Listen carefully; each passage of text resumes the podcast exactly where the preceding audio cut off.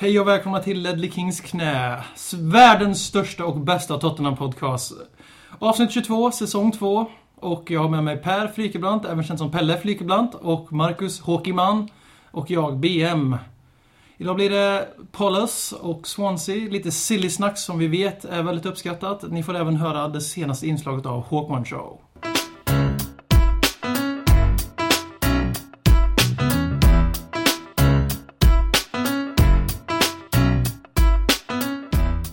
Ja, varför vänta? Vi hoppar direkt in på den senaste sagan i Tim Sherwoods liv. Där han och hans Sherwoods rövargäng som härjerar i White Hart Lane-skogen tog tre bergsäkra poäng mot Crystal Palace, eller hur? Ja, det var aldrig någon snack om saken. Nej, speciellt första 45. Ja. Uh, nej, men det var väl första 45 som var under all kritik.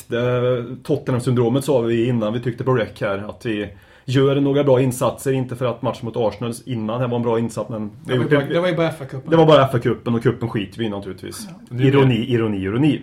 Men eh, första 45 hade vi mött ett bättre lag än Crystal Palace som hade kunnat kapitalisera på våra misstag centralt i mittfält och kunna liksom omförvandla deras lägen till någonting bättre. För de misslyckades ju i sista passet, eller avslutet Crystal Palace mycket tyckte. jag. Så kunde jag stå 3-0 i halvtid faktiskt. Eller 3-1, eller tvåmålsdifferens i alla fall. Det kändes väldigt symptomatiskt för, för vår trupp, eller för Tottenham, eh, just nu att en spelare som Jerome, all respekt till honom, men att han går runt och får göra kattmat med vårt försvar egentligen. Det, det säger en hel del om, om eh, vad kapaciteten, eller i alla fall lägstanivån, är på vår backlinje. Eller medelnivån kanske ska säga. Men eh, vi vet ju alla vad som hände i inledningen under matchen där Moussa Dembele river ner en Pallas-anfallare rätt så väldigt klumpigt. För, och man ser, man ser straffen och jag såg ju direkt då framför mig att nu nu kommer den, nu kommer den här stora jävla käftsmällen när vi har levt på lånad tid under Sherwood för truppen erkände sin mellanmjölkskaraktär en gång till. Och det gjorde de även men den stora skillnaden den här gången är att eh, Hugo Lloris gjorde ju världens största straffpsykning någonsin. Mm. Och eh,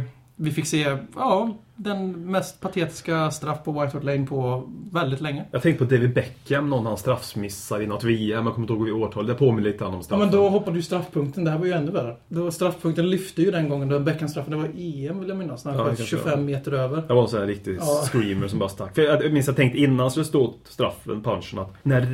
så räddade vi en straff senast? Eller missade? Gomes räddade en straff och sen så drog han såg till att det blev en till straff. Det är de mest klassiska ögonblicken i modern tid. Det är så underbart. Ska, Så vi, ska vi minnas tillbaka den där Ja. dagen för fyra år Mot sedan? Blackpool, var riktigt. Adam. De får en straff. Gomes han gjorde ju rätt feltajmade utrustningar mycket.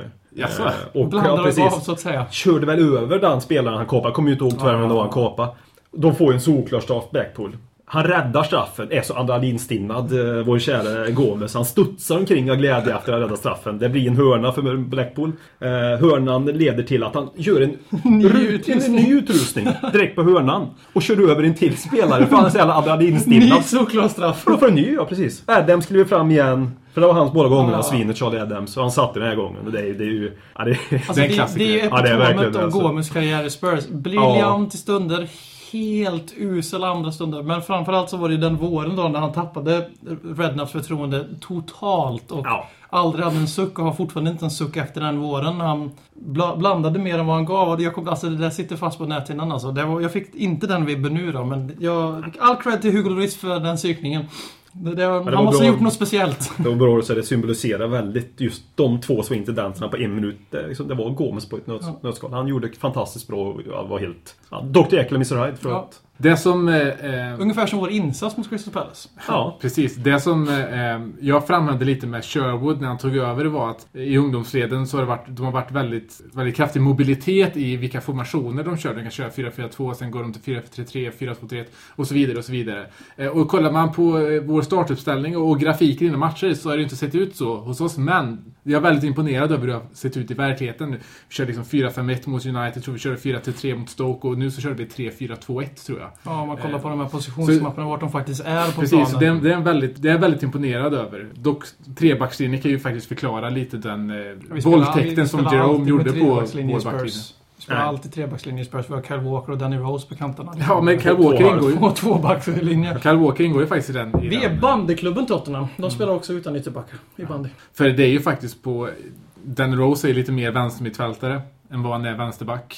Mm. Ja, absolut. eh, Christian Och det är Eriksson- också därför som vi blir väldigt exponerade på den kanten. Det såg vi inte minst mot United där de hade, jag tror de hade 70 lägen från högerkanten och, och gjorde inte ett annat mål. Det är ett stort underbetyg till United såklart, men det, det ska de ju kapitalisera på. Absolut. Eh, men det, det funkar just nu. Det ger- kommer bli avslöjat för Eriksen gör ju inte många knop på vänsterkanten här. Man, eh, det ska han inte göra eller för han är inte vänster mittfältare per se utan han har spelat i den där vänsterrollen då i Ajax 4-3-3 men 4-3-3 är en jävla skillnad i arbetsfördelning. Och som sagt all cred till Tim Sherwood som har visat sig vara raka motsatsen av den där tråkiga anglofiliska 4-4-2. Även om det ser ut så på grafiken och väldigt många okunniga fotbollsproffsexperter till exempel Gary Lineker har ju uttalat sig Snacka efter inte varje skit om match. Gary Lineker. Att det, åh, 4-4-2 var briljant när vi vinner och sen när vi blev överkörda av Arsenal så var det, åh, 4-4-2 håller inte i modern fotboll. Var det Ja, men då?" så är, så är det. Men om man faktiskt kollar på de här statistiska verktygen vi har så ser man ju att Christian Eriksen spelar inte på vänsterkanten. Då blir det ju upp till Danny Rose att ta gatan och det blir ju exponerat mot bättre lag och Alltså, jag- även mot Pallas i Jag, viss jag, mån. jag tror att 4-4-2 kan funka. Om det nu är 4-4-2, 4-3-3, jag bryr mig inte. Har vi bättre mittbackar så funkar det. Alltså då har vi en förutsättning att det ska Har vi en Sandro och på så kan det absolut Ja, funka det jag. det För nu har, nu har vi inte, som jag ser det och som jag vet säkert att ni också gör, den, någon utdelning. Jag att mittbackspar är inte kanske Nej. de vi vill ha där. Och... Eh, Tala för dig själv. ja, nej men och samma med kanske den defensiva kvaliteten på ytterbackarna möjligtvis också. Som gör att de kanske blir mer sårbara. Och det är ju sagt det tidigare, den här uppställningen med Eriksen. Som jag tycker nu bara snabbt att Eriksen har... Jag blev väldigt imponerad av Eriksen. Återigen, första halvleken med Crystal Palace var jag inte jätteimponerad av Eriksen. Men det var fler jag inte var imponerad av då. Men, Men han- han är hela, det. han mår ju bra och spelar den positionen jag märkt. Absolut, absolut. Och då menar jag inte bara för Ja, men han tre mål friheten bara. han får, friheten Ja. han får. Han får spela exakt hur han vill. Han är verkligen överallt. Han, är var ju mycket ut på högerkanten. Ja, precis. Han är en Modric under Harry Redknapp. Men han, han är ju verkligen det, det nyförvärvet som har, har blommat ut till det vi ville att han skulle vara. Men det är också Ja. för att han har fått den, den, Ja, den friheten det. och det ansvaret som de andra kanske också ska ha. Ja. Jag menar som står Lamella och, och så vidare. Sen har det också varit som Eriksen att han, har, han blandar ju ger väldigt mycket. Alltså han strör bollar omkring sig för han spelar med hög risknivå. Alltså han är lite som en lyckad Lewis Holtby. Det tycker jag. Ja, han han precis. Ger bort mycket boll men han Mm. försöker alltid skapa. Och så har han ju bättre slutprodukt än Lewis Holtby och det var väl ingen diskussion har ofta varit vem av dem som ska spela tia. Men snarare är väl att Christian Eriksen ska ju spela i en fri roll, kanske lite högre upp i banan än vad han har nu. Eller i en trea på mitten då så att han har en Sandro som städar upp efter honom. Men Mm han har varit bättre i den här rollen. Han har inte behövt vara, precis som många andra spelare som när de inte haft så mycket taktik att behöva följa så har de ju växlat upp en nivå. Det är väl ett positivt betyg. Alltså, om man tänker fotbollsintelligensnivå så tror jag inte att Eriksens problem var att han fick för mycket direktiv av AVB utan då var det nog mer att resten av laget drog ner honom. Och nu ser vi att han får spela ju som han vill. Då blir han en, vad ska man säga, en, växellåda i det här laget. Ponera nu att vi, körde 3-4-2-1 så har vi då ett väldigt centrerat spelsystem. Ändå så blir vi nästan uppätna på mitten av en nykomling i Crystal Palace. Jag vet att många där ute framhäver Bentalebs insats och vill ha honom som man of the match. Jag tror att eh, Håkman här är en av dem. Jag skulle snarare vilja se, alltså han gjorde ju helt klart en bra insats för den spelaren är. Och kör man det 4-4-2 så, som, som Sherwood gör så vill, märks det väldigt väl att han vill ha två box-to-box-spelare. Och han vill väl också använda Bentaleb som just det, för Bentaleb har spelat, han, han kan spela 10, han kan spela släpande, eller han kan spela sittande. Lili, han vill väl köra igen, jag tror väl att han egentligen vill köra Paulinho Dembélé, men Bentaleb får på något sätt duga som ersättare där. Men jag tycker ändå att, visst han gjorde det bra, men det vi offrar med att sätta in Bentaleb, det är defensiven. Och det kan inte han väga upp. Eller kreativitet offensivt om man väljer att vända på det. Precis, jag menar folk framme, oh han hade 93% passningssäkerhet. Jo, men de, de passningarna gick liksom två meter åt sidan. Han spelar- Ja, ja, Han spelar lugnt, han spelar tryggt. Han visade att han eh, hade lite mer mod den här matchen och slog en del bollar framåt. Sköt också en hyfsad rökare där som var, han förtjänade att få göra sitt första mål han. för Spurs där. Men eh, jag har varit, inte skeptisk till Bentaleb, absolut inte. Utan jag anser att han har absolut visat, precis som Jake Livermore gjorde för några år sedan, att han håller i Premier League. Däremot jag har, svårt att, har jag haft svårt att se honom som en framtida Tottenham-spelare. Om vi nu ska fortsätta vara en topp 4-kandidat. Men just mot Palace så tycker jag faktiskt att man fick se lite glimtar av en kille som kanske har en roll i ett framtida Tottenham att göra. För han var, enligt mig, matchens bästa spelare i Spurs. Så det säger inte så mycket. Med tanke på hur horribla vi var första halvlek. Men då var han ändå den som var minst dålig och det var ju inte han som fallerade centralt utan det var ju hans kära kamrat som drog ner honom snarare än tvärtom. Vilket som borde vara fallet när vi spelar med en 12-åring liksom. ja, men både Dembélé och Bentaleb tappade bollar. Jag tycker Bentaleb tar minst lika mycket bollar som Dembélé. Ja, Är det bara jag? Jag håller inte Ja, runt detta bordet kanske. Men kanske, det är säkert jättemånga som håller med där ute i eten. På Twitter har jag min familj. Ja, ja, jag tror det säkert. Men eh, jag har ju också benägen att hålla med. Jag tycker Bentleb. Och sen lägger man alltså... Jag har en annan kravbild på honom och då, blir det Ja, ju... Då absolut. blir det det ju är väldigt viktigt det där alltså. Ja, då blir det ju lättare kanske att höja en spelare som man har inte samma höga kravbild på som jag kanske har på Moussa Dembele. Ja. Alltså han är, man lägger in och det, det ska man ju göra också tycker jag någonstans. Att han, han är 19 år, han gör här nu så kanske en tredje match från start i Tottenham eller någonting. Och utifrån de förutsättningarna så tycker jag ändå att han gör det väldigt bra. Och inte bara de förutsättningarna, speciellt andra halvlek tycker jag han är faktiskt bra på mittfältet. Sen tror väl jag också, jag, jag ser inte den här... Hur många sådana finns det i världen som kommer? Supertalangen liksom. Herregud, är det det vi tänker på fort vi ska ha en egen produkt? Att det ska vara en eh, Fabregas-typ eller någonting. Nu säger jag inte att Per säger det. Det föds inte så många sådana. Och får man en spelare i Bentleb så blir det en Premier League-spelare som är kanske bänkspelare i Tottenham. Eh, under Job well done. Ja, mycket bra Exakt som ett Townsend, Mycket bra. som alla Och även om vi som kan bra. sälja den här spelaren eh, och jag hatar att prata sådana här termer, nu låter jag som businessman. Men alltså får man 7 miljoner pund för en spelare ja, mycket av ungdomsverksamheten om man inte räddar då liksom. Ja, Alltså precis. finansiera det på nytt igen. Det, man- det är ju sånt man får väga in. Och så tror jag vi jobbar mycket med unga spelare också. Att vi ser en möjlighet att sälja vidare. Kanske snarare än att få in dem i laget. Folk vill nästan se en ny Janusaj, eller se Tottenham Ja, Janusaj i Bentaleb. Så är det. Men det var ju exakt samma sak när Townsend hade två dugliga matcher i början Mm. av säsongen. Då var han ju den nya Bale och fick, fick Bales ramsor på. Alltså det, Man det hör till lite, Mm. men samtidigt är det ju helt befängt. Alltså det, Men jag, förstår, jag förstår inte den, den här eh, tematiken med att man är nöjd med vad han gör för att man har lägre förväntningar på det. För om jag hade gått in i Tottenhams startelva, då hade ni haft ganska låga förväntningar på mig också. Och hade jag gjort tre, fyra passningar rätt, då hade jag gjort en bra insats. Men, det, men, det, absolut. men det betyder inte att det, var, att det var bättre för laget. Det hade förmodligen varit bättre att ha. Capo där än haft mig. Ja, ja? Ja, ja, ja. Ja, ja. Capo all the way säger Ja. jag. Det är inte det jag sitter och säger nu. Det är därför jag är lite besviken på det också. ja, nej men jag, jag förespråkar ju Capo och det gör ju, det gör alla vettiga människor. Och gör man inte det så är man ingen vettig människa. Och det är därför jag tycker det är lite dubbelmoraliskt av det att faktiskt... Ja, men jag jobbar mycket med dubbelmoral. Han erkände ju också, att, eh, precis som jag har gjort, att man har lägre förväntningar på honom. Det är nog anledningen att han blir så hypad. Det är för att man inte har samma kravbild på honom som man har på en Lewis Holp i exakt samma roll, eller på en Capo i samma roll. Och då blir det så, man letar positiva saker och man letar inte negativa saker som vi gör med alla andra. Framförallt med importerna har jag märkt att det letas negativa saker bland våra kära Tottenham-supportrar. Framförallt den engelska skaran och den får man väl säga är ganska kraftig ma- majoritet när det gäller Men- ett engelskt fotbollslag. Men, men Bentaleb är lika mycket import som Holtby. De har ju spelat här lika länge i Och princip. han är ju en Tottenham-lad true and true. Han kom ju hit för ett och ett halvt år sedan till Spurs. På papper blir de ju där och på den vänster tror jag. Alltså, ja, ja, alltså han, han är ju ingen egen produkt, det förstår, vet ju alla. Men... Mm. Men är det bara för att han har liksom får ett litet diplom från akademi som man ser dem Ja, som det, höjd till det är därför. liksom? Ja, det hjälper definitivt Ja. till. Så är det.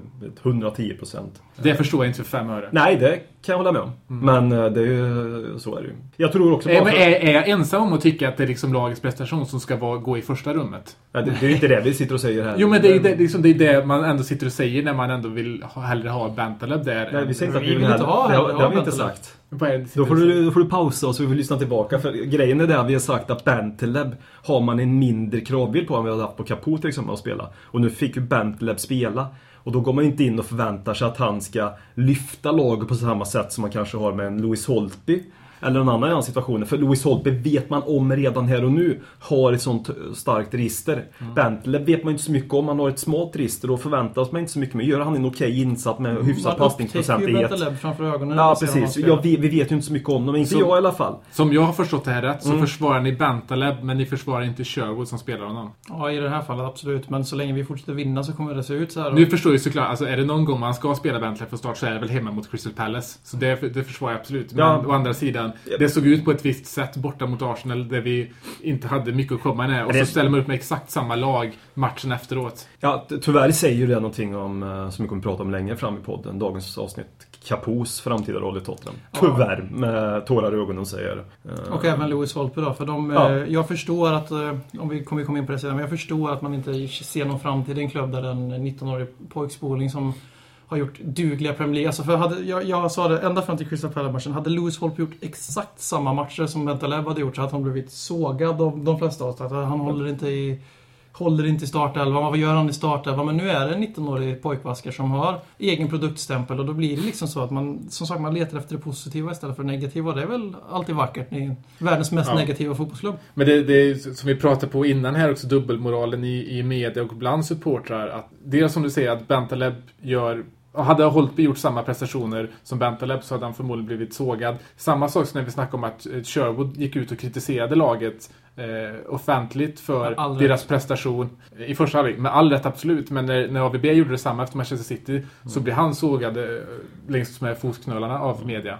Ja, det är ju, och det är ju medias Absolut, konstiga dubbelmoral. För det, det är väldigt märkligt. För det, när han går ut och kapar laget, han kapar ju inte ens laget. Alltså, vi City. ska skämmas. Vi ska Ja. skämmas. Då tyckte media, ja det där är inte bra att han går emot spelarna, engelska media nu också, att han går emot spelarna och säger att så skämmas. Det kan de inte gilla. Bara, vad fan, är det porslinsdockor vi har att göra med fotbollsspelarna? Eller Tål de inte ens det att de ska, att de ska skämmas när de får med 6-0? Eller Att de, han säger till mig, vi ska skämmas när de får med 6-0. Och det, jag hoppas ju vid, vid min gud, den jag inte tror på, att eh, att spelarna, att det där var bara media skitsnack, att spelarna inte Ja, tog ja, illa vid sig. För tar de illa vid sig för det...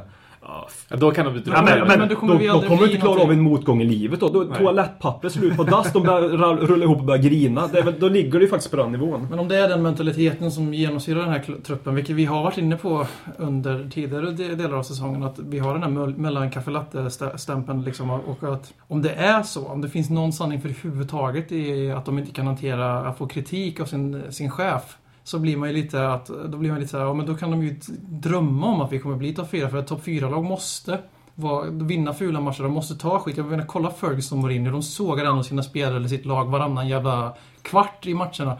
Men i Tottenham så får man inte, för i Tottenham kommer man dit och bara ah, nu är jag färdig med min karriär, nu ska jag göra ett halvt bra år här, så ska jag bli såld till Real Madrid för att jag var bra mot Stoke. Och sen så... Men är, det, är det ett Tottenham-problem problem där? Är det inte mer ett individproblem? För jag känner lite samma tendenser kring David Moyes till exempel.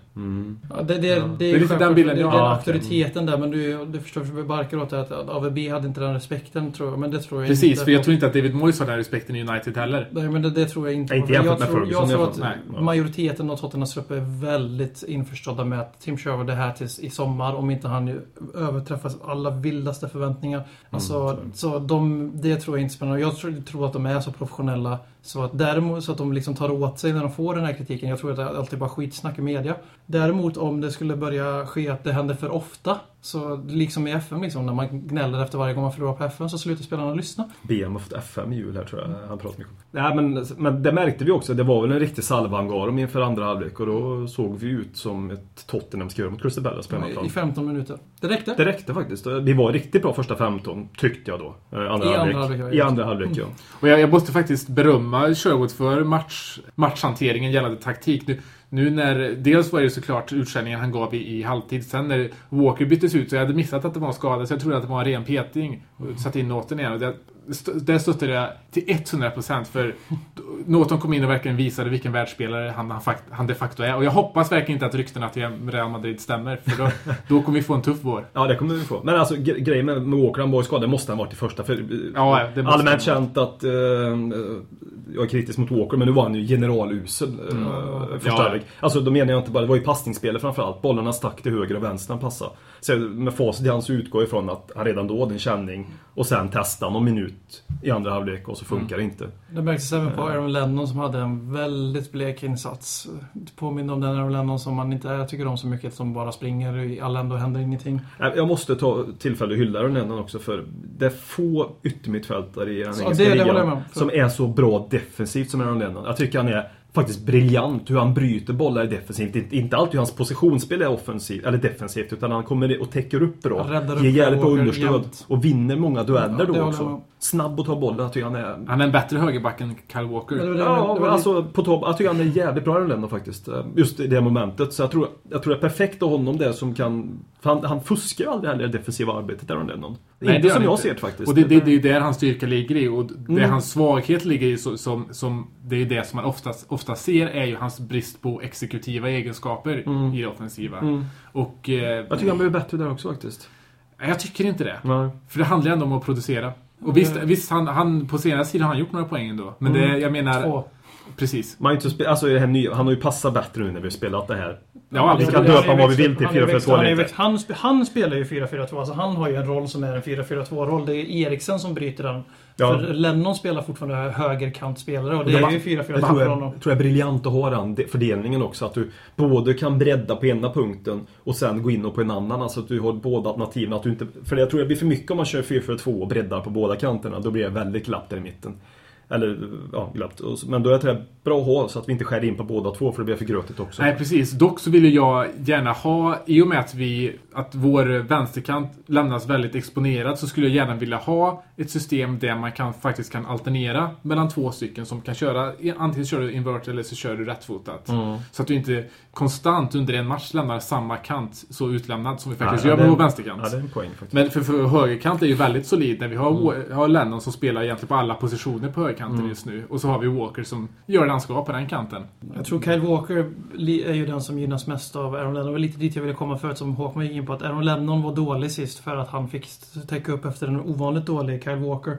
Mm. För att han, han, någonting stod ju inte rätt till och då, då får han fokusera på defensiven. Och då tappar vi ju kantspel på höger också. När vi har en, hal, en halt Kyle Walker och en defensivt inriktad Lennon, då har vi ju inget kantspel. Och det märktes väl. Och sen så likadant med Adebayor som är lagets nyckel nu. Han, jag förstår inte, folk hyllar honom efter förmatchen. Jo, han vann en nickduell och nickade till Christian Eriksen. Vad gjorde han mer då? Alltså, Han var inget speciellt. han var... springer mycket, exakt som han gjorde under AVB och då fick han så jävla mycket skit för att han gjorde den här typen. Han springer som en häst för att vara anfallare.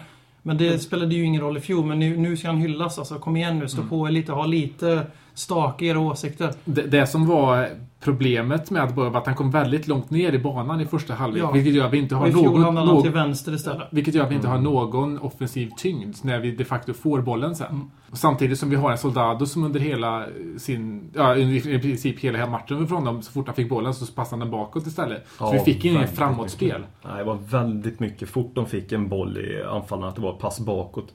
Hela tiden. De spelade hela tiden med ryggen mot mål känns det som. Soldado kändes Ingen väldigt... självförtroende alls hos Nej. Bobby. Soldado, märktes. Soldado kändes väldigt mycket som hellre på stiga i, i den här matchen, tycker jag. Faktiskt. Och jag... var Väldigt, som jag sa... Postiga åkte VM i alla fall. Ja, det gör han. Till skillnad från världens fjärde bästa spelare. Ja. Nej men som jag sa, jag, jag eh, stöttar eh, Sherwoods eh, matchtaktik väldigt mycket och där det ligger också att han bytte ut Soldado mot Defoe. Som gick in och inte gjorde något testjobb direkt men eh, han fick med sig ett mål i alla fall. Och Offside också. Ja, det ja, är du förvånad eller? Vi hade de två mest offside-springande i hela Premier League nästan. Ja, Adebayor Det är och vackert. eh, Det är vackert. Vi sprang en offside på första fem matcherna. Första tror jag var någon sån här Ja. pervers statistik. Och så gjorde Adebayor debuten. Jag tror han sprang offside tre gånger första 20. antingen. Men det, det målet Defoe gör, det är just sånt som Defoe är bra på. Han är så, det är absolut Defoes största egenskap som fotbollsspelare. Som är hans rappa tillslag på bollen. Det är pendelrörelsen där. Det är han, Det är nästan det är han allt han briljant faktiskt Det är nästan allt han har. Ja, det har Ja, men visst. Men, Han- men det, är det, det är det som Soldado inte har. För Soldado kan inte skapa sina egna lägen. Nej. Och det kan Defoe faktiskt. Och jag är inte säker på att Soldado hade gjort mål på det Defoe-läget. Nej, Faktiskt. Inte- alltså inte här och dag- nu. Inte Nej. dagens Soldado hade inte gjort det, men... Men Valencia Soldado hade hade ju gjort Varje det. gång. Mm. För Soldado som vanligt, alltså, han visar att han är en riktigt bra hold-up player. Vilket han fortsätter vara den där spelaren man inte trodde han var. Just mot Crystal Palace var han inte särskilt bra för överhuvudtaget. Nej, det var han inte. Men man ser ju i skottögonblicken så får han ju... Han har ju ingen självklarhet alls. Alltså, han skjuter fast han tror inte ens på det själv. Han har ju liksom vänt bort ryggen från målet när han har avslutat. För han vet att den där går inte in. Och det är någonting som Jermaine Defoe är så fantastisk på. För han kan vara pissdålig och göra ett mål hela 2013 i Premier League. Och sen ändå kommer in och gör mål direkt. För att han tror alltid på sig själv. Han har världens mest hälsosamma ego när det gäller att vara anfallare. Även om det ibland drabbar laget så gynnar det honom väldigt mycket. För han tror alltid att han kan göra mål. Och det är, det är ju det viktigaste en anfallare ska ha. De måste aldrig tro på det själva. Gör inte en anfallare, tror inte en anfallare på det själv, så gör de inte mål. Exakt som Adebayor gjorde i fjol när han hade... Han kunde komma helt ren med målvakten. Man såg att han ville inte vara där. Han ville inte ha bollen överhuvudtaget. Och det är lite Soldado börjar komma in i den nu och det är inte särskilt bra eftersom vi kommer ha två anfallare och Harry Kane från och med den 28 februari. Det känns inte som att, som att den här måltorkan som Soldado har haft har börjat komma ikapp dem. Det känns som att han inte riktigt har påverkat så mycket av det förut. Men nu börjar det faktiskt kännas som att det tränger in i hans psyke på riktigt. Ja, för, för nu har han verkligen bara fått de riktiga superlägena Ja. också tycker jag på denna sätt. Nu Han, han, han han har ju haft lägen, han, bo- han bör ju ha gjort mer spelmål redan innan tycker jag för en del lägen han borde ha satt. Men nu, sen så 15, så har han verkligen haft, han borde ju kunna ha gjort en Han tre borde mål i gjort alla två, fall. tre mål, absolut. Ja, för det har ju varit några riktiga screamers han har missat. Han spelar ju i spanska landslaget av en anledning. Liksom. Ja. Alltså, han, han ska göra mål. Så därför tror jag någonstans att, om man ska vara amatörpsykolog här, att hans, eh, som du sa Per, att han, det, det sätter sig nu först för att nu känner han själv att nu har han en ärlig chans att kunna göra mål. Han känner väl kanske någonstans, om man ska gå in i huvudet på Roberto Soldado och säga att när han spelar undan, så han kommer inte så många lägen och då ursäktar det han själv på något sätt. Ja, jag kommer inte till lägen, nu ska jag då kunna göra mål. Medan nu borde han ha gjort mål. Ska han starta mot Swansea? Ja, det tycker, tycker jag. jag. Tycker jag också han ska göra. Varför?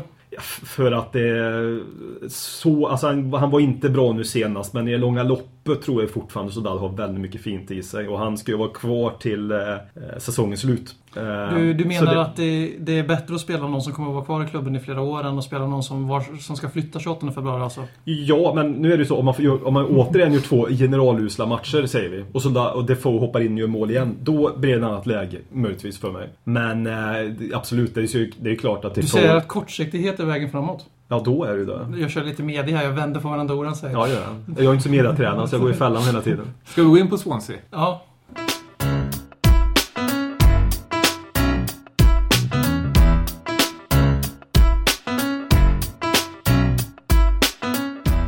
Ja, vi tar och åker till Wales igen. Som om vi minns förra året så var det ju ett rykte där strax före matchstart att Hugo Lloris hade blivit påbackad av spelarbussen och brutit armen.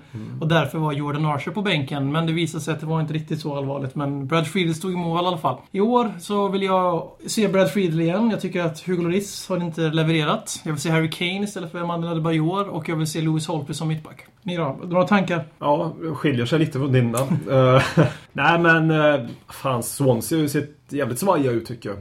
Eh, jämfört med de två tidigare åren i Premier League.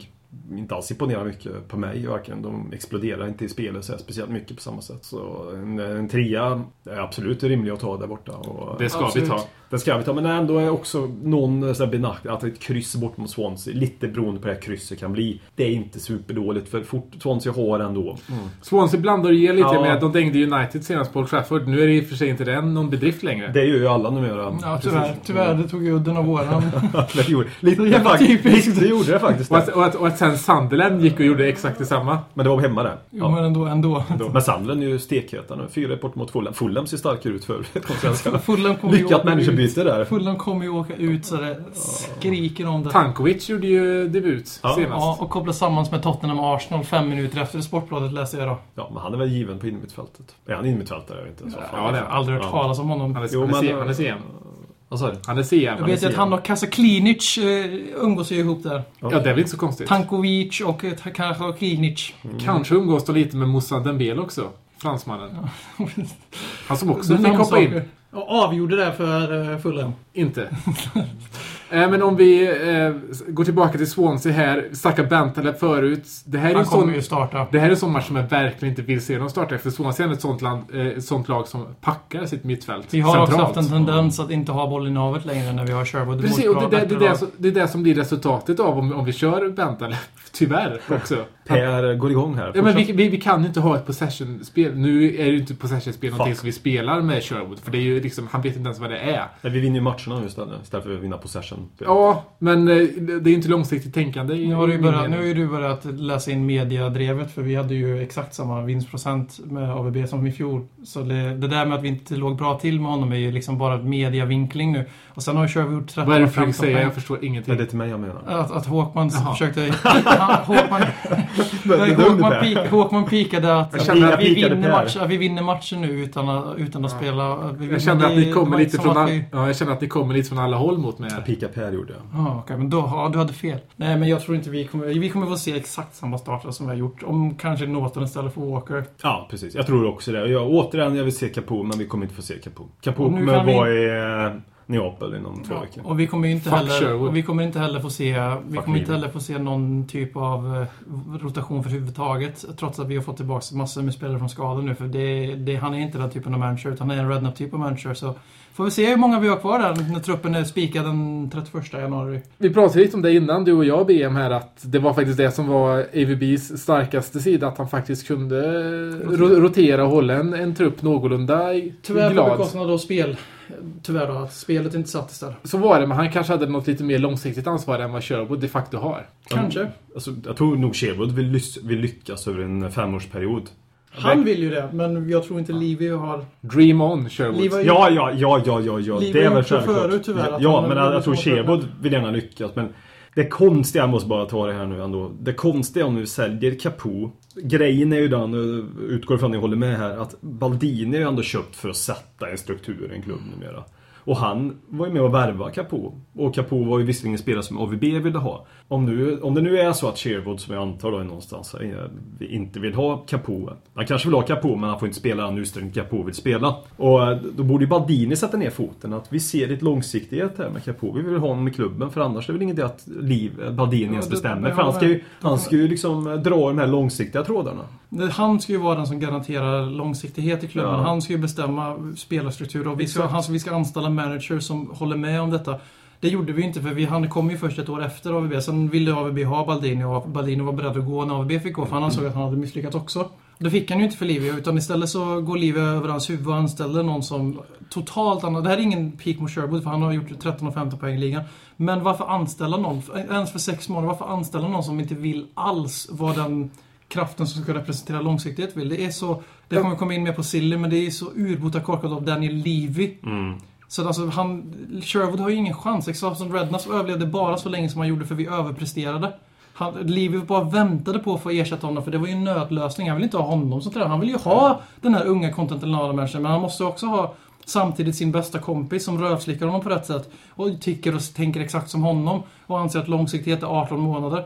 Men samtidigt ska han vara den här nya nivån på tränare som tar ett lag och vinner trippen och sen så ska han ändå tycka exakt som Danny Levy. Danny Levy kan lika bara gå ner och ställa sig på tränarbänken själv. Alltså jag förstår verkligen inte den här egoismen som finns i fotbollsvärlden där du som nyinsatt tränare går in och inte respekterar de strukturerna som klubbens ledning har satt för klubben. Om jag kommer in på ett nytt jobb, då går, då går inte jag in och säger 'fuck you' till etablissemanget. Jag, jag, jag, går in och accepterar hur läget ser ut och hur företaget är uppbyggt. Alltså, ja, men nu är ju inte, nu kanske det är så att Sherwood har sagt att han mycket kan tänka sig att sälja Capo. Men det är fortfarande så att hans ord inte ska ha någon betydelse i den utsträckningen. Mm. Då. så så Sherwood ser jag inte göra något fel här. Utan då är det Livi och Baldini då framförallt som säger att nej men vi ska inte sälja Capo.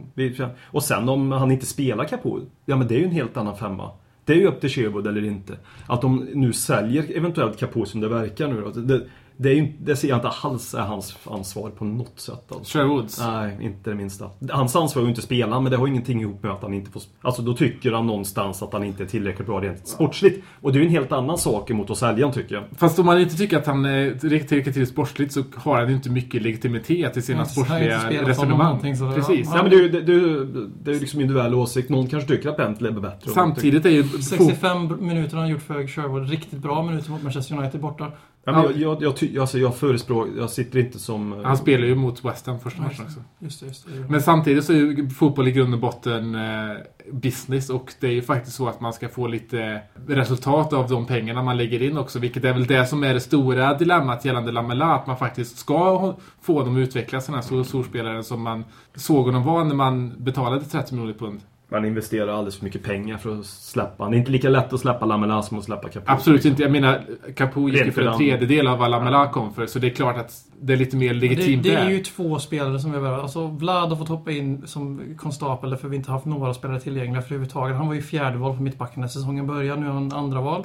Och eh, sen är det Soldado får spela väldigt mycket för vi har saknat alternativ. Eftersom Adebayor var inte acceptabel i början och så Defoe var inte tillräckligt bra. Och nu är ju fortfarande Adebayor och Soldado som spelar hela tiden. Och sen är det Eriksen som har fått spela när han har varit frisk. Förutom några få enstaka matcher där Louis Holpe petade honom för att han var i briljant form. Men sen de andra nyförvärven, de har ju inte fått känna på det ordentligt, någon utav dem för huvudtaget. Och det är liksom det är inte Sherwoods fel, absolut inte. Men det verkar ju faktiskt tyvärr gå åt det motsatta hållet. Det verkar inte, ens, det verkar inte som att de har, får riktigt samma chans. För jag menar, Bentaleb spelar minut in, minut ut. Men han är inte, verkar inte ens beredd att pröva de här nyförvärven från i somras. Det är den här mediestoryn om att det är en splittring mellan Maldini och Sherwood verkar ju vara väldigt trovärdig får man ju ändå säga. För man ser ju ganska systematiskt att de får ju sitta på bänken vare sig de är, vare sig de vill eller inte, de får inte ens chansen att testa. Och då håller jag inte med Håkman om att det inte har något med Sherwood att göra. För om man är så trångsynt som, man, som AVB var när det gällde Bajor så måste man ju anse att det här är samma sak. För han fryser ju ut fler spelare bara för att han inte tycker att de ska spela. Och de får inte ens chansen att bevisa motsatsen. Exakt som AVB fick så jävla mycket skit för. En grej som väl var i grund och botten anledningen till att AVB fick sparken var ju... Adebayor. Var, men det var ju fransk politik. Jag menar, det var ju fotbollspolitik från honom. Att inte spela Adebayor, att inte spela Lamela. Det var ju fotbollspolitik. Det känns ju som att eh, Sherwood applicerar exakt samma politik på sitt lag men med andra typer av spelare. Capo till exempel. Ja, visst hur vi spelar tror jag det. Och sen att vi inte körde 4-4-2 och sen sen tror jag Adebayor hade tyvärr väldigt stor anledning till det. Väldigt stor makt måste han ha i vår klubb Adebayor. Livi Och har sen- någonting, ett band till honom. Eller måste han Det ju ha. är Och väl lönen han inte tycker ska sitta på läktaren. Det kan man väl förstå om man är Det gör ont i Livi. 100 000 pund i veckan sitter på läktaren varje match. Ja, men, Liksom. sen är det ju skillnad bara backa det VM sa där för att gå in och försvara mig själv lite. Jag tycker det är skillnad på den här sortens utfrysning och den utfrysningen. Om man bara ska dra Adebayor-exemplet. Det kanske finns andra utfrysningar Han fick ju ändå också. spela hela förra säsongen. Han fick det, men jag tänker kortsiktigt. Jag tänker säsongen. Ja. För förra säsongen var han ju inte utfryst. Då Nej. fick han ju spela. Eh, Nu har han gjort utfryst. Han har gjort utfryst på ett annat sätt. är ju den bilden som kommer i alla fall officiellt som jag tycker. Capo och Holtby de har ju ändå suttit på bänken och spelat lite grann. Eh, tycker återigen att de ska spela mer om inte blir såld- sålda. Men det är en an- det, är, det, det är liksom, det mer, känns ju mer uppe för spekulationer om de är utfrysta eller inte. Förstår Ja, ja absolut. Det kan här ju är också vara så mer att- det är så här. Nej, alltså. men Adebayor, det var ju liksom som vi alla tycker det, det var ju en blockout. Han fryste ut den totalt. Alltså, Absolut, det, det, går, Så det är ju skillnad på... det går nästan inte att jämföra faktiskt. För Capo har ändå, om man kollar hur han har presterat när han spelar mittback så var det ju horribelt det han presterade. Ja, jo, det var- Så det är, ju, det, är som, det är ju absolut förståeligt att han har den bänkplatsen som han har nu. Alltså mittback Fast han är ju inte mittback. Precis, det är det alls. som är grejen också. Men ändå sa vi att vi såg honom som en eh, mittback när vi Ja, köpte femte den. val som Ja. mittback liksom. Och det har han, var han Det absolut är knappt hållare det ens när han spelade. Men eh, det var ju inte hans fel som Nej, sagt. nej det, det ska han inte få någon skuld för. Han ska inte säljas för Det är lite som hans, att eh, ställa. Defoe i mål och säga nej fan vad dålig du är Defoe. Ja, Swansea snackar vi om. ja Vi tror, inte. Capo, vi tror inte Capo kommer spela. Det, det, Det här var rätt tydligt kanske. Klart. Capo. Nej, men jag tror också samma lag i stort sett om man ska gå in och gotta in sig någon form av startelva. Men det och- som jag oroar mig för i så fall om vi spelar med samma lag är ju att, att, att Bajor blir mer och mer tillbakadragen Ja. i planen och att vi då inte har den tyngden i Nej. offensiven. Som Nej. jag tror kommer bli ett resultat av om vi spelar så som vi spelar den här matchen. Vi kommer spela så. Är, är Adebayor eh, lag, laglojal och tar defensiven så kommer det bli så. Mm. Det alltså- Tyvärr. Ja, ja men det är absolut... Ja, men, Tyvärr är han för lojal, Adebayor. Ja, Det trodde man inte att man skulle säga. Ja, För, de, de orden ihop trodde jag aldrig jag skulle få säga. Lojal ett mellanrum Adebayor. Men ja, nu sa jag inte det. Utan nu menar jag inte. Men Väg inte in för mycket i de orden. Sju av tio matcher så springer han mest i Spurs historia, men tre Ja. av tio matcher så springer han minst i Spurs historia också. Tyvärr. Ja, får vi se vilken Adebayor som ska rädda oss på söndag blir det va? Ja 14.30. Skönt. Det är alltid skönt att spela söndagar. För det är bättre att få söndagen förstörd än lördagen förstörd. Ja. Förstår du menar? För får man lördagen förstörd, då får man ju också söndagen förstörd till helgen. När man förlorar bara Man, man hinner söndagen. ha lördagen i hoppet. Ja, för sen, sen på måndagen börjar ju ändå, för, många då, för mig, jobb och sånt. Då får man lite annat att tänka på och inte bara ha... Nu har jag ju mer i mitt liv än vad Tottenham låter, lät ju inte så. Hammarby Men- också. Hammarby också. Och det har ju verkligen spridit glädje de sista fem sekunderna. Talkman show, Talkman show, Talkman, Talkman, Talkman show.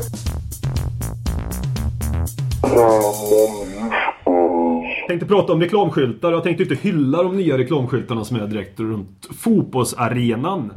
Eh, numera så är det här digitaliserade, att man byter. På samma ställe kan det stå ena sekunden Coca-Cola och sen kan det stå eh, Samsung och sen står det Fifa 14 någonting som är jävligt provocerande att ett tv-spel kan få en sån stor eh, alltså, skyltfönster utåt sett.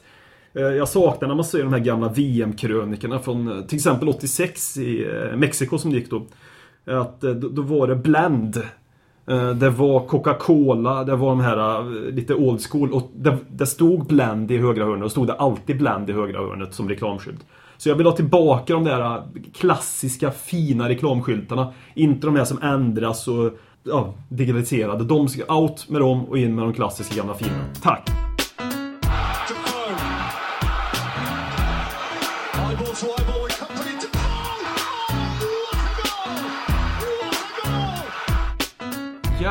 Hedra den sista mohikanen från den tiden då Tottenham var ett charmigt poplag i, Spur- i England. Jermaine Defoe har lämnat oss i förtid, fast han ska ändå vara kvar och spela från start varje match i 90 minuter fram till den 28 februari då han sticker till MLS och fotbollsmetropolen Toronto. Och vi fick en tittarfråga, lyssnarfråga, från Christian Påsson som undrar med tanke på att Defoe snart lämnar oss, vilket är ett favoritmål slash ögonblick med honom? Och jag kan ju börja då, att mitt favoritögonblick med Jermaine Defoe var när han missade mot City. Den säsongen när vi faktiskt var en, verkligen såg ut att kunna göra någonting Var du speciellt. favorit eller? Ja, det är det enda minnet jag har av honom. Nej. Jag kommer inte på någonting annat. Tyvärr så är det det Det är det minnet som sitter är, på min näthinna, tyvärr. Så är det faktiskt. För- mig med. Jag känner att vi får kanske lämna över det här till eh, Håkman som kanske har lite finare minnen av dem. Jag tänkte ju säga först och främst, att vara med om så och bli såld och ändå få vara kvar i klubben och bli hyllad. Det är ungefär som att dö och få uppleva det. Ja. Lite grann sådär. Han får nu vara med och bli hyllad dag ut och dag in. För han kommer ju bli älskad på ett annat sätt Ja, nu, ja, sista ja. Men det är för han kan, inte, han kan inte göra något fel. Nej, men nu kommer han inte kunna göra fel och ja, han kan mycket väl göra fyra mål. Nej, men favorit med Defoe. Det är många, han har gjort så mycket mål så det är faktiskt svårt att hitta Alltså, det- någonting. Det är mest missarna som sätter sig liksom. Nu när du sa eh, City away, alltså det är ju den, det den tyngsta i en Premier League-match jag varit med om. Det var där och då Tottenham dog typ. Ja. Sen dess har vi bara gått åt fel håll. Ja, men... eh, Fram till Tim Sherwood. Ja, precis. Nej, men favoritminne med Defoe, oh, vad fan ska det kunna vara? Ju Wigan-matchen för fan. 9-1. Ja, fem mål då, men det är liksom ändå... Jo, men det, det är ju där, om jag, liksom, om jag tänker på Defoe på något sätt, om jag ska liksom...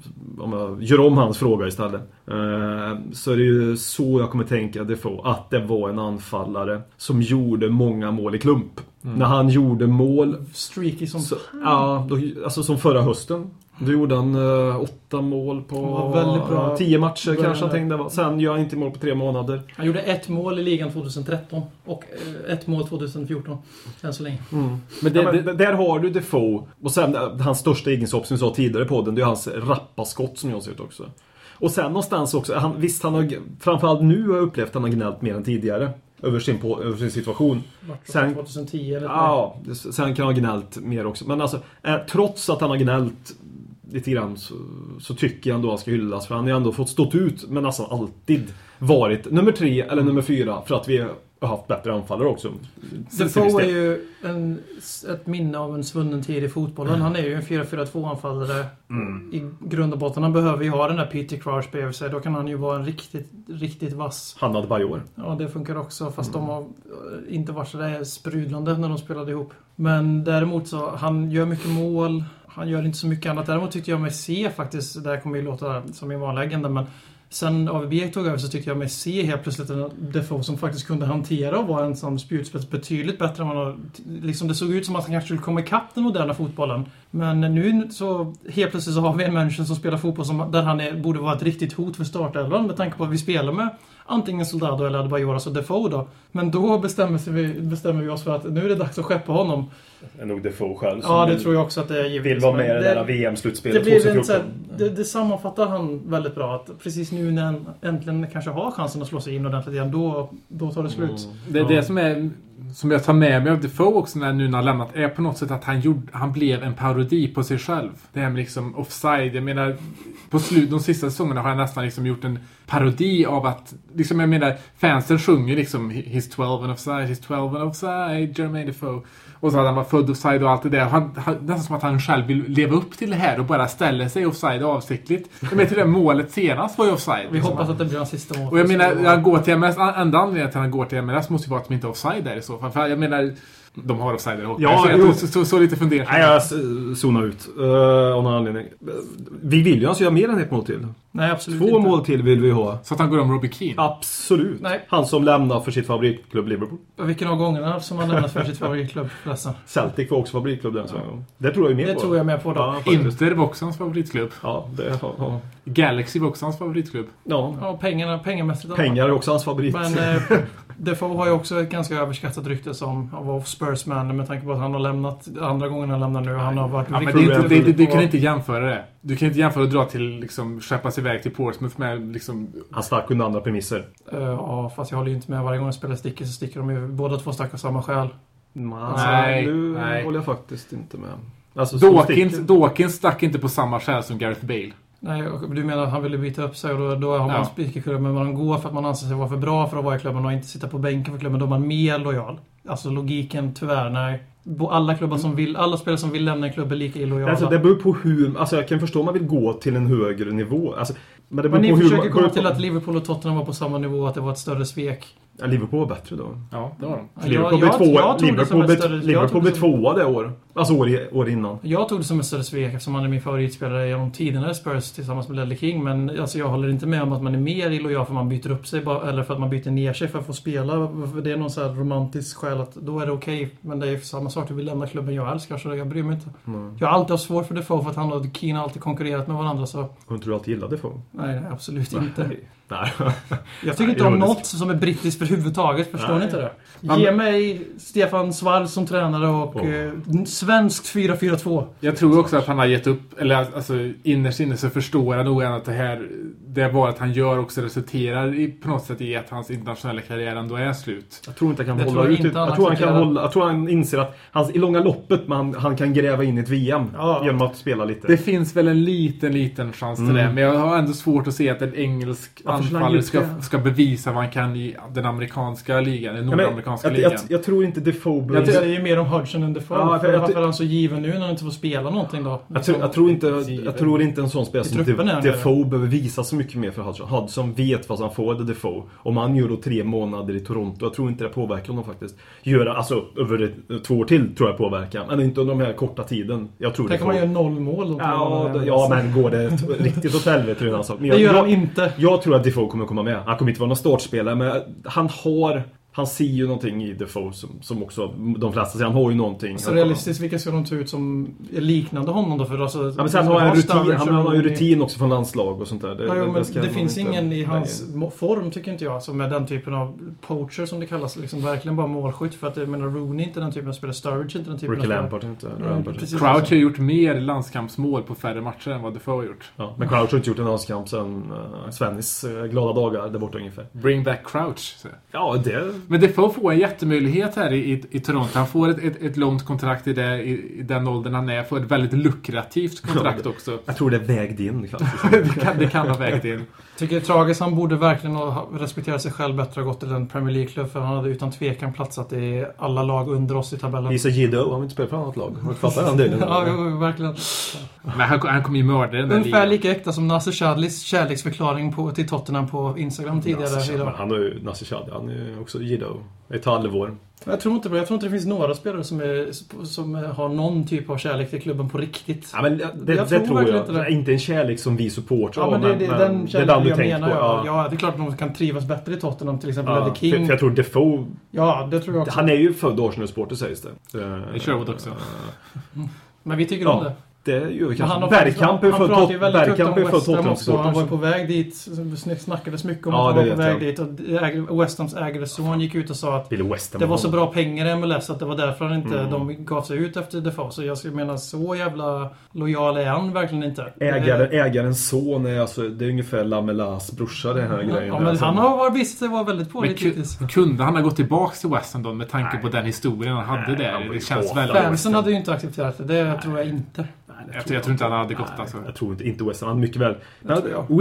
Det var fint man gått till. Samma pengar så hade han gått till West Ham. Nej, nej, nej. Issa Jiddo säger vi. Eh, Han går inte någon annan jävla stans. Han, sköt ju också, han var ju väldigt illojal mot sin klubb West Ham samtidigt som var ganska... Men då gick han till Spurs, då är det helt okej. Men de har åkt ur Premier League också, West Ham. Ja, men och så han är det ju Lort West Ham vi pratar om också. Ja, men han var ganska illojal mot Charlton också när han med Tottenham skickade ut Charlton ur Premier League med sitt 2-0 mål i sista omgången. Nej, nej, nej. Han nej. skrev första, första, Allting första. som gynnar Tottenham, då är man aldrig illojal. Så, sån dubbelmoral har jag som supporter. Han har väldigt mycket dubbelmoral på dig.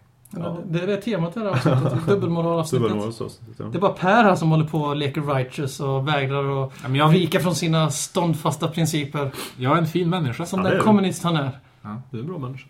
På tal om kommunist. Lewis Holtby på väg bort, eller? Tyvärr. Ja, men alltså... Ingen som vill säga något. Äh, vi är nedstämda här nu. Deprimerade. Ja, men... Eh, anledningen varför man... Eller varför man ska... För jag gillar Holtby, inte bara hans fotboll. Han verkar verkligen vara en genuin bra människa. Han är jiddo och han älskar klubben. Ja, men eh, han älskar eh, klubben han spelar i, om inte annat i alla fall. Han, han, han, han, är professionell. Ja, men alltså, jag tror det... Fan också. Jag tror att det är en sån spelare som är bra att ha i ett lag också. Vem var den enda Eh, spelaren som spelade med stolthet mot Liverpool? Och, mot Liverpool? Ja. Vem var den enda spelaren som satt på knä efteråt Mm. och var helt förstörd efter den insatsen? Jo, Lewis Holtby. Visst, och det väger in jävligt mycket tycker jag. Även om han kanske inte var bättre än någon annan. Nej, det var Det är inte det vi sitter och säger, men han visar en annan egenskap. eh, en annan egenskap. Det är för fler som visar en Moussa men går ut och skyller på planens storlek, inte över Liverpool-matchen men tidigare under säsongen, så Lewis Holtby tar nästan tre röda kort borde han nästan ha fått. Han hade- fick ju en varning där, han borde fått tre det. till. Men han eh, vägrade acceptera den här 0-5 i röven och körde på in i sista.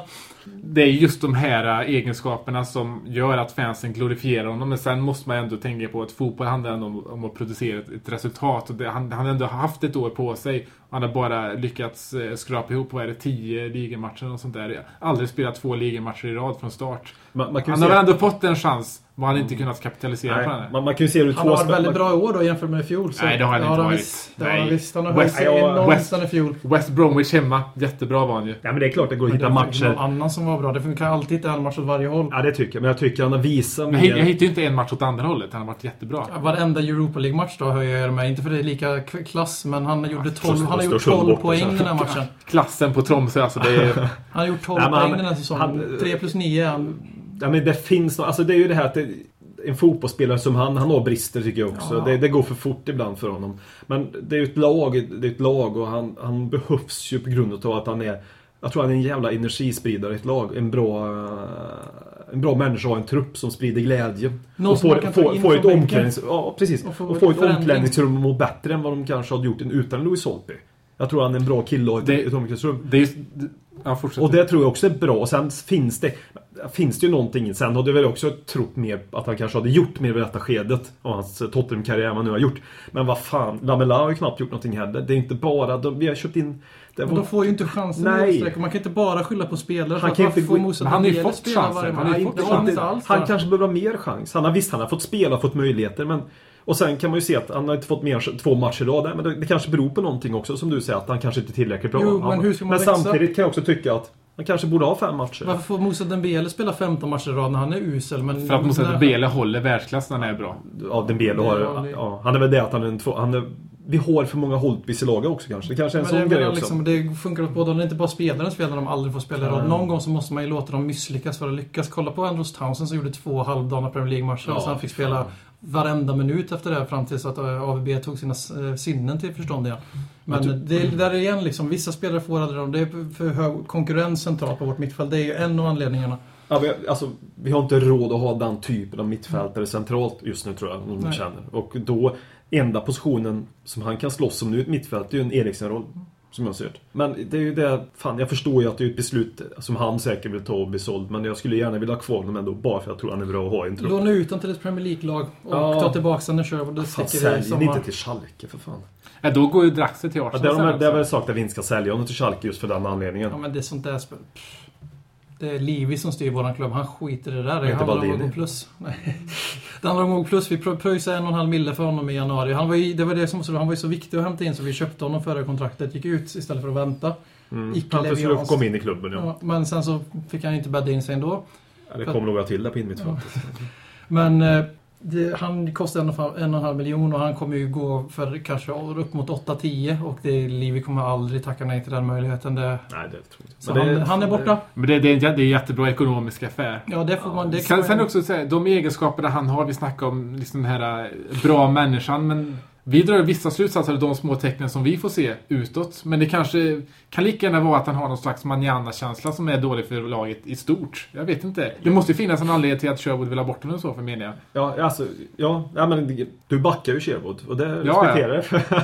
Nej, men alltså det, grejen är ju med, visst, jag väger ju in mitt, hur jag tror Holtby är som person. Det jag ser på fotbollen, den inställningen han har, det är de här galna Instagram-bilderna. Eh, så väger jag in hur jag tror han är i ett omklädningsrum. Ja, visst, visst kan det vara så att Holtby inte alls är den personen. För det jag Han baserar... kanske bara har en, ett yttre som, eh, som inte alls stämmer överens med egentligen hur det ser ut när han inte är ute på sociala medier. Nu tror jag inte det, men det kan man ju aldrig vara säker på. Men det, har jag ändå, det jag baserar på är att det har faktiskt funnits några rykten om att det är någon slags eh, omklädningsrum-grej som ligger Jaha, bakom okej. det här med...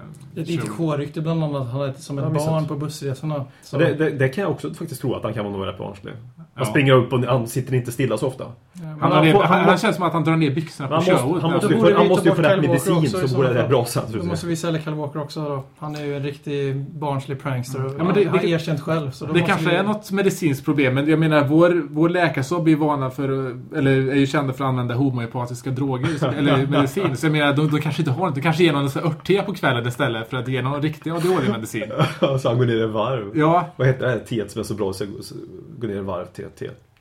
Jag dricker inte te. Nej, inte jag Fan, heller. jag kommer inte ihåg. Fuck te. Ja, Robin är ju inte här så... För att avrunda Holtby, alltså jag tycker att han har alla verktyg för att bli en riktigt stor spelare här. Det handlar om att han själv måste vilja försöka och framförallt så måste han få chanser under en ny tränare också. Sen så, han har väldigt stora svagheter också, precis som Mm. alla 23-åriga fotbollsspelare har. Och eh, vi värvade en tysk landslags, eh, en u landslagskapten som hade varit riktigt bra i Champions League och varit riktigt bra i Bundesliga. Så liksom, Och riktigt bra i ungdoms-VMet där Ja, också. så han, eh, han har väldigt mycket mer i sig än vad han har visat. Men jag förstår samtidigt att det är lättare för Tim Sherwood och för Lewis Holtbys egen karriär att ta hem Tom Carroll och ha honom som sjätte val, om det är den rollen Holtby har erbjudit, så förstår jag mycket väl liksom att då är det inte så kul att vara lojal längre och då gör man en så kallad okej illojal affär då när man byter klubb för att man inte får bestämma över sitt egen framtid där. Helt, helt okej. Ja, men så är det. Det är ju en riktig analys. eh, Väldigt. Och sen har vi även en till nyförvärv som har varit i klubben i fem månader och har gjort sju matcher. Som också väldigt mycket rök om att han ska sticka. Framförallt Na- Napoli, så där Benitez har bekräftat att det ska komma in en spelare eller två närmaste två veckorna. Och det har varit, samtidigt varit väldigt mycket rykten om Capo ut till Men det- Napoli. Jag har ju personligen aldrig gillat Benitez. eh, Och jag kan ju säga att min eh, inställning till honom är ju inte blivit bättre utan här. Men Om nu han tar Capo ifrån, vår Capo ifrån oss. som vi adopterade i podden direkt. Ja, det gjorde vi. Ja, det är ju världens bästa spelare. Han- Han ska absolut få plats i och världslaget. Eh, Han och Kyle Morton, ja precis. Men sen kan vi diskutera där då. Om man säljer en spelare efter fem månader och sju matcher. Ja, det är alltså, ju- det, då är man en sån jävla pajasklubb så jag, vet- alltså, jag, blir, Han jag skäms på Han, riktigt. han då. har varit skadad i tre månader va? Ja, något sånt där, Ja, väldigt två länge var det i alla fall. kanske. Och sen så när han går in och gör de liksom världsinsatserna han gjorde De han dåliga insatserna han till gjort är ju som mittback. Ja, precis. Ja, men, ja. Och Han- då var ju övriga Det var inte så att det var han som var den felande länken utan det fanns elva till som var felande sen, länken. sen så spelar han ju tillsammans med Dawson också. Det kan ju till och med få... Ja, och sen det- vem som helst att se ut som Ja, en blind höna. Men alla var ju blinda hönor den matchen mot, Ja. mot Liverpool. Om vi säger då. Så det var ju inte Capo. Det var inte så, det vet jag att vi alla är överens om. här. Det är ju inte så att Capos inträde som mittback gjorde att där har vi Nej. varför rås med 5-0 den matchen. Han är femte ju- mittback. Liksom, vad kan vi förvänta oss? Hans första säsong i Premier League. Han gjorde sin femte i- insats eller något för Spurs blir det väl då. Ja. Som han har gjort två för Sherwood. Men det, det, det, jag tror också Capo, det är ju verkligen en spelare som, som är gjord för en för att spela i Premier League. Men det är också en spelare som är gjord att spela i, ett 4-2-3-1 eller, Eller ett 4-3-3. Exakt som Sandro för Han är ju ingen tvåvägsspelare. Nej. Eh, och det är ju det vi pratade om tidigare. Det är där han fallerar som enligt Shevoods ögon. Men då ska det ju inte vara Shevood som tar det beslutet. Shevood kan ha det önskemålet. Men då kan Baldini göra nej men vi vill inte sälja honom. Vi vill ha kvar en trupp. Vi tror Han han, kan bli någonting. göra det. Alltså, det sen, ju sen, behöver inte, sen behöver inte Shevood spela honom. Det ska ju ingen kunna tvinga honom att spela. För då har ju sportchefen fått för mycket makt, tycker Mm. jag. Men där har du ju också risken om sportchefer inte får bestämma tränaren. Det är ju, det är ju den risken. Alltså, det är ju den vikt, har man en sportchef så måste ju sportchefen funka med tränaren. Och det, jag ser ju detta som ett exempel på att sportchefen inte funkar med tränaren. För att Danny Levy inte har någon konsekvens i vad han gör. Alltså, ingen, Nej. Och det är ju ingen röd tråd. Baldini ska ju välja, Baldini ska ju välja, välja alltså i samråd naturligtvis med Livi. Alltså, så att det är viktigt att de två synkar med varandra, de, de Baldini värvar. För att de ska ändå jobba ihop. Jag är helt övertygad mer om att Baldini kommer sticka till sommaren. Eller Ja, sommaren ja, efter. ja. Han kommer vara borta. Sen kanske vi värvar in en ny sportchef. Nu var inte alls det frågan handlade om. Men, men eh, så kommer in en ny sportchef istället. För jag tror att, ändå att han vill jobba med sportchef-tråden igen. Men det visar ju också återigen att nu ska jag inte få skäll för någonting jag inte gjort än livet. Men jag tror det är den vägen vi kommer gå. Och då, det blir så här konstiga beslut i klubben när jag antar att det är en tränare som, eh, som en sportchef inte varit med och bestämt.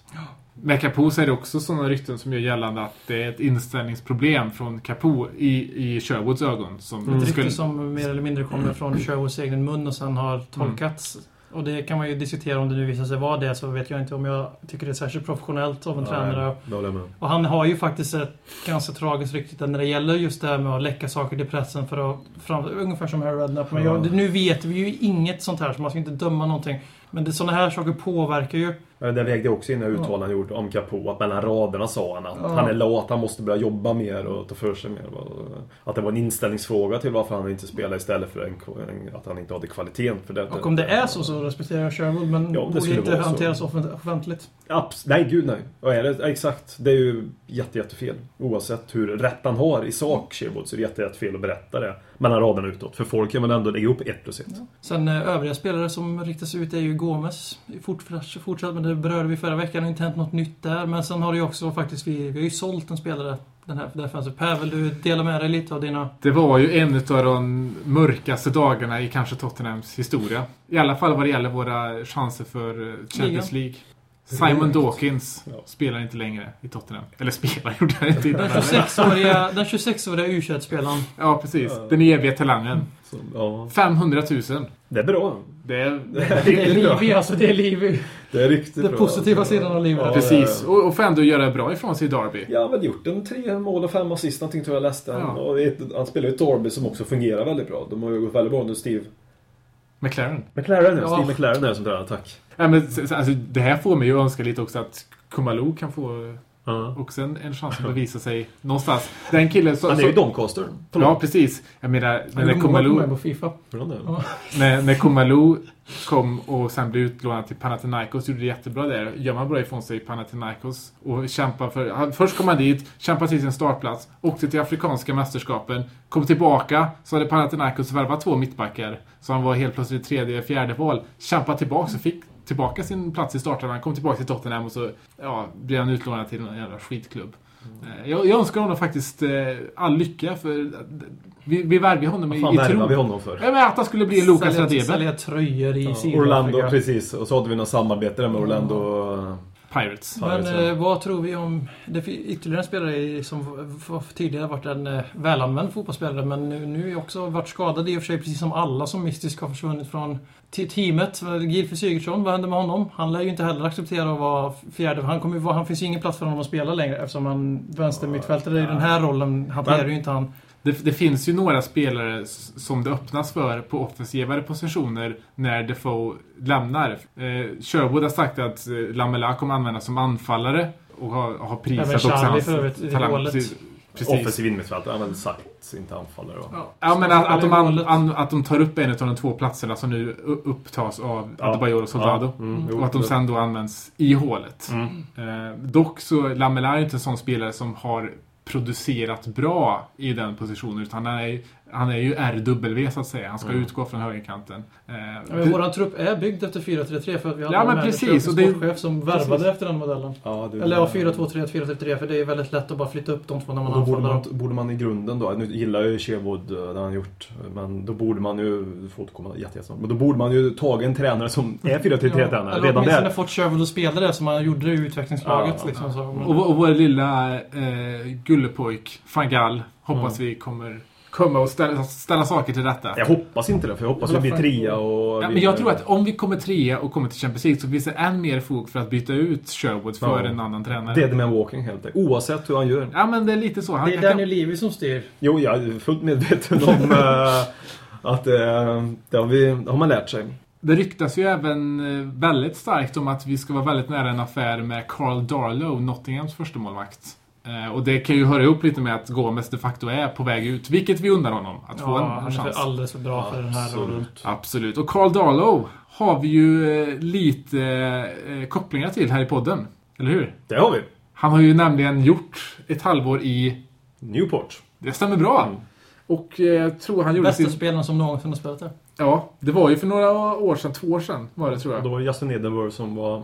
Och då har vi också en koppling. Alltså, Precis, vi det har är många kopplingar till Newport. Vi älskar Newport. Eh. Newport som ju faktiskt slåss för uppflyttning sin första säsong i League 2.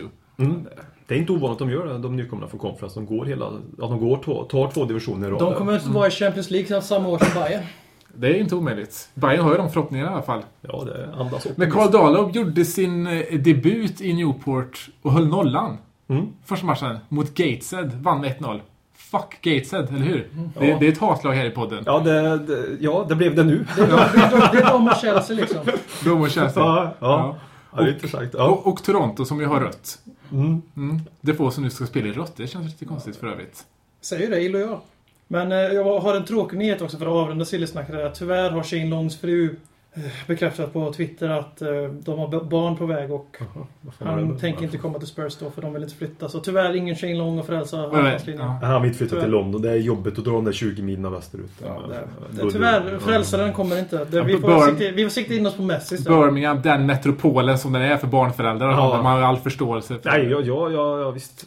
Vi får väl vi får nöja, oss, vi får nöja oss med Fletcher då. Eller vem fan som helst.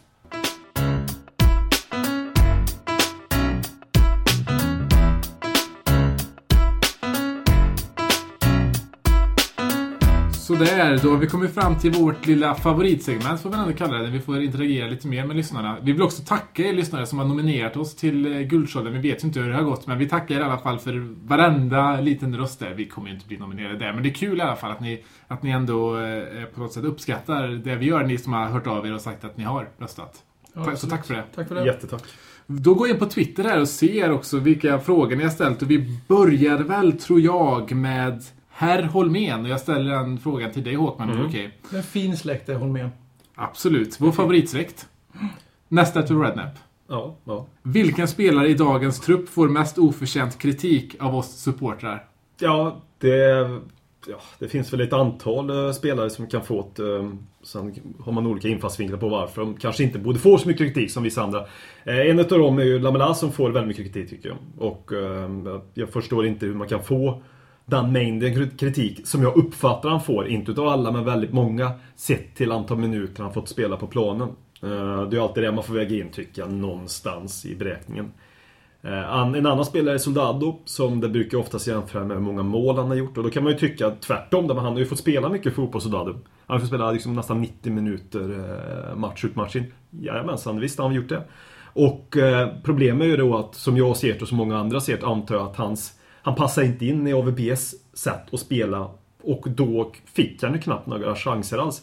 Som vi har sagt tidigare i dagens avsnitt, de sista 4-5 matcherna borde han gjort fler mål visserligen, det håller jag med om. Men då har han ju också visat upp ett annat register som inte jag i alla fall trodde, och det kan ju vara min okunskap, att jag inte jag trodde han hade den egenskapen. Att han, var, att han är en han är en fotbolls... Han har en fotbollshjärna också som jag inte trodde han hade. En extremt light variant av Dennis Bergkamp så att säga. eh, Utan Framförallt med dra någon att- djupare jämförelse med de två. Men... Vi pungade ju faktiskt bara ut 12 miljoner direkt. Resten är ju uppbundet i tids och mål och matcher, klausuler. Typiskt Levi. Kanske, Mm. kanske bra de- att han inte gör så mycket mål. kanske...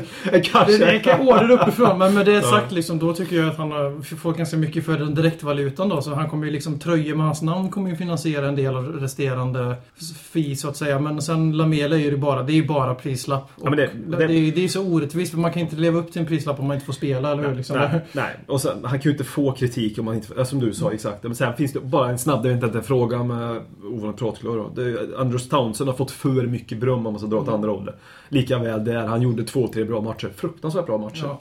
Framförallt i England. Ja, då var han ju då var han ju Det var fantastisk bättre. bra. Men han har gjort några bra matcher i Tottenham också. Men det är åt andra hållet. Han har ju blivit någon... Alltså, det är ju så intressant att gå in på det här, verkligen en podd. Vad är det som beror på att det blir så? Att det spelar som i, i grunden har... Som inte skiljer så mycket mellan prestationsmässigt. Att ena mm, ligger. Är det, kan det vara så enkelt att det är förväntningsgraden på spelare innan säsongen? Jag har ju min teori där att eh, Födelseland. riktigt, stor, riktigt Ja, stora ja, spelare och tränare, de, det finns inget mellanting mellan dem. Stora spelare och tränare, de finns bara ytterligheter. Och det, jag gillar att tro att det Mm. i fallet med Lamela och Townsend det är bara undantaget som bekräftar regeln. Ja. Vi går över till dig BM. Du får en fråga från Christian Gigander som har skrivit till oss på Twitter och frågat Beror den påstådda spelarflykten på att det är VM-år? Eller är det helt enkelt så att spelarna känner samma vibbar som oss? Ja, igår ville ju Chadli gå på lån för att han ville spela VM. Idag så älskar han Tottenham och agenterna har eller sagt emot den rapporten. Uh, Defoe, han flyttar ju för att det börjar bli ålderns höst i fotbollens värld och han vill ha speltid och på det sättet öka sin chans till VM-spel. Så han flyttar därför. Jag tror inte han flyttar för att han har, känner att Tottenham är på väg att utföra ett stup. För han är, skulle ändå inte varit med i det fallet. För han eh, börjar bli lite gammal så att säga. Så där har vi liksom, svaret är helt enkelt lite av båda. Men eh, det är klart att det finns nog en del killar, framförallt de större namnen som känner så här. Och nu vet vi inte hur det är med Tim Sherwood än. Det är långt kvar av hans förhoppningsvis framgångsrika karriär som Tottenham-manager. Men jag har svårt att se till exempel Hugo Riss, Jan Vertongen och den typen av spelare bara Åh, Tim Sherwood, fan vad sexigt att spela för honom. För att jag tror att de känner att, är han rätt man? Tror klubben på det här själva liksom? Och det är väl dem vi ska oroa oss för. Men de får ju spela hela tiden nu, så det påverkar inte deras VM-chanser nu. Men däremot i framtiden så kan de ju känna att den här klubben är på väg åt fel håll och att då blir det Sherwood som blir syndabocken för det. Även om jag anser att det är Daniel Levy som ska bära hundhuvudet om vi får se en spelarflykt. Både nu i januari och eventuellt efter säsongen. Jag vill tro och hoppas att Loris är en så pass klok människa så han lägger inte in sexighet i en tränare, alltså namnet på en tränare utan... eh, Nej, men- Jag vet att du drog exempel, men jag hoppas, men, eh, men alltså, jag tror att det är så på många fall. Det jag menar med sexighet var rykte. Jo, jag förstår vad du menar. Inte, inte det yttre eh, utseendet. Ja, Det har han ju redan eh, på det torra så att säga, Loris. Ja, ja. ja, ja Du framhävde ju hans andra hälft förra, på, det, förra gjorde jag. avsnittet. det gjorde jag. Torleif Johansson har skrivit, jag, jag tar den här frågan grabbar, det är lugnt. Mm. Eh, varför tror ni vi har så många skador i truppen i år? Större konkurrens mellan spelare på träning som bidrar? Frågetecken. Eh, det har ju varit massa snack om Tottenham i historien och eh, även ganska nu på senare tid också att vår läkarstab har en liten fallenhet för homeopatiska droger som vi är inne på här. Eh, droger säger medicin kanske man ska kalla det snarare. Vi var inne på det lite när vi snackade om Holtby, hans ADHD-medicin, om det kanske snarare är grönt te istället. Det är någonting som, eh, jag, jag menar Anderton höll ju fram det, jag vet inte om det är någon kvarleva som lever kvar från Hoddle som har, är väldigt stor på sånt här. To dare is to do. Alltså, Vi är ju sjukt skadedrabbade. Det är, det är Ja, läskigt. precis. Jag, alltså. jag vet inte om någonting med det att göra. Sen tycker jag också att Tottenham är ju en klubb som, där, där, dit går det för att bli skadad på något sätt. Men nu är det ändå så att det är mer än vad, vad, det, vad som är brukligt för Tottenham nu. Och vi är- har ju faktiskt en ny träningsanläggning. Jag vet inte om det kan bero någonting på det. Alltså, menar, skador, det är ju inte bara av belastning, utan det är ju även underlag som ligger mycket till grund. Sen, sen också, Kan det vara så att de känner efter för mycket också? så, kan, så kan det vara också. Jag Men vet har du aldrig begärt byte fast du inte varit skadad på riktigt? Jag menar, du är ju professionell fotbollsspelare i eh, Jämfört med mig och BM. Ja, men jag brukar inte göra så. jag brukar, brukar mer gå in och ta ett rött. Och sen gå ut och det, duscha det, och ta en respekterar, det öl. respekterar jag. Ja, det respekterar Jag inte så vi är alltför Det där ansvarslösa det är vad Lewis Holby kommer att utvecklas till om han får speltid. Han kommer att vara den som tar rött i 89 och går och dricker öl i duschen. Det. Om vi ligger under med Nej, 5 jag, jag, jag tror inte att det är någon slump att vi har 10 skador. Nej. Sen, Sen- kan du, sen- kan du hitta några skador i det som är slump. Men har du 10 skador, då beror det på någonting. Förutom... Sen, sen är det också Det är så att... ofta så här också. Inte 10 skador, men vi har alltid flera skador. Visst, Kabul är ju undantagen. Han är ju alltid skadad. Det är ju... Ja, men sådana spelare finns ju alltid liksom, som alltid kommer vara Precis, skadade. Ja, och Chadli skada kan ju också. Det kallas ju Tottenham String av en anledning. Liksom. Sen, sen, sen så är det också så att när man roterar så är många tränare som Tottenham gör så kanske också har en inverkan på vad man har för fystränare och också kanske vad man har för eh, nivåer på träningsdoser. Eh, doser. jag vet inte, vad tror ni om Vems det? fel är att vi har så många nya tränare och därmed fystränare? Eh, Sherwood. Ja men det är alldeles riktigt, det tror jag. Det spelar ju in för när det kommer in en ny, ny frystränare kommer han in med ett helt nytt upplägg och det blir en helt annan belastning på kroppen och eh, då drar man ju på åt sig fler, framförallt eh, muskelskador. Det är bara Håkman som jag känner som är lika skadedrabbad, skadedrabbad som Tottenham Ja, Hotspur. sjukt skadedrabbad. Ja. Ja, du är poddens Kabul. Ja, ja, Definitivt. mina inflammationer har du överallt i min kropp. det- Men det är så. Ligger man på gränsen och plågar sig på någon, utan någon jävla anledning så vet jag inte varför jag gör riktigt. Men, ja. För att du måste se bra ut eh, i, med... Åldersnoj- Torso eller vad det var. Åldersnoja. Jag ska ut och springa nu efter podden till exempel. Du har, du har ändå poddens bästa torso. Ja, inte längre. Inte Nej, längre. jag är skadad i en sex Ja, vem fan, ska kycklingbröst BM eller Robin slå dig eller ska ölkagge Frikeman ta dig? Ja, men... eh, Ja, Kagge. jag sa ingenting Per. Så vi pausar inspelningen här en sväng eller? Jag kallar mig själv för kycklingbröst. Vad är det enda du tänker på? På mig, ja. Så vi pausar? Det roligaste var att han angrep dig. Ja, jag tycker också att jag får någon form av blick. Jag... Jag gav dig ingen blick. Jag kollade bara Jo, det gjorde du verkligen. Ja, eller var det en blick och hitta sympati eller? Ja, det var nog det. Ja, det hoppas jag. Ja, jag, jag, jag vill säga, jag, ber om ursäkt. Jag älskar Per Frikeman och jag kommer lägga upp en bild på Instagram för att bevisa detta. Min, jag ska göra en helomvändning alla Nasser Chadli. Men jag har, alltså jag, jag, är- alltså jag har, det är inte en öga, jag är född så här. Jag vill bara, på riktigt alltså. Min pappa har samma mage. Jag kan aldrig få magrutor. Och jag dricker inte så mycket öl. Men jag, håller, jag jobbar med min vikt. Det är whisky. Jag jobbar, ja okej. Du är ju inte tjock. Det var ingen som sa att han var tjock. Nej, men han, Det var exakt det du, du la ju upp ett... Nej, men herregud. Det är, Jag sa ölkagge och kycklingbröst för att häva, för att hävda Håkmans Ja. fitness. Och då över, ni över, han överdrev åt sig själv, han överdrev åt dig. Och överdrev åt mig. Han överdrev Men åt alla om att Robin är ett kycklingbröst, det stämmer. Ja. Ja, men jag jobbar på min. Så vidare, nästa fråga. Stämningen är inte så bra längre. Nej men jag, till sommaren. Ja. Jag har både keps- Jävlar fick jag motivation. Jag har, jag har både keps och hånar P- P- Han kommer- Per idag, så kommer Är så- jag inte med nästa vecka så är jag Adebayor i den här podden igen. Ja. Helt uppsvälld kommer han komma nu på anabola här snart. Ja, men vi, vi var inne på Holmén-släkten här tidigare. Vi Ja. går tillbaka till den. Det är, en, är, är de släkt? Nej, Nej. men... eh, Nej, men vi säger det. Nej. men. Martin Ja, Holmén, jag ställer den här till dig också Håkman, för Mm. det är en supporterfråga och du är ju något av en fotbollssupporter. Ja, det är vi allihopa. Går det att vara logisk och sansad och ändå supporter? Ja, alltså, vi pratade om anabola för eller jag pratade om anabola förut. Ibland när man ser fotboll så beter man ju som man eh, tuggar anabola. Alltså rent... eh, Alltså, speciellt, det går inte att vara logisk så, när jag svarar på den frågan. Under matchtid. Några minuter efter matchen beroende på hur det har slutat. Inte för mig i alla fall, det är ju olika från person till person. Vissa är säkert jättesansade och kan lägga en analys som eh, är bra. Eh, Merparten tror jag inte kan det.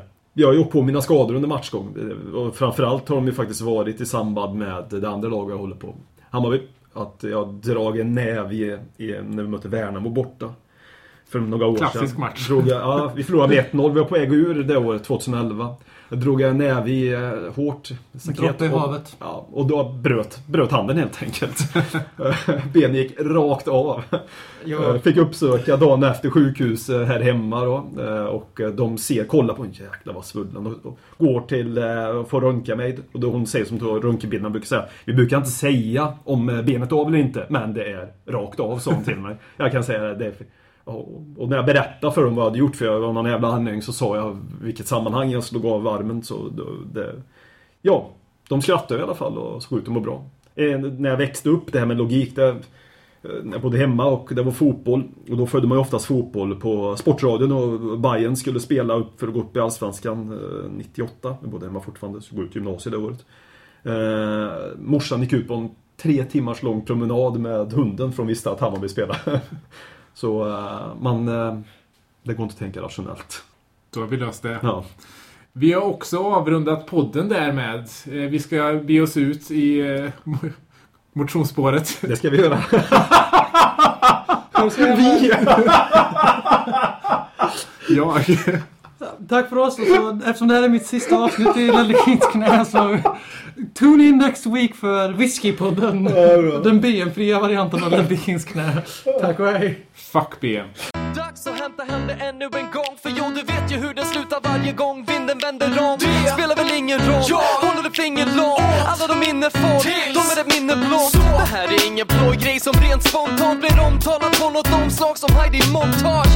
Eller Svensson Pratt är nog den endaste svenska MC'n som har en känsla för rap. Så hey! släng upp en hand om du känner vad som sägs. Ännu en podcast kommer your way. Så ge mig femman mannen och bara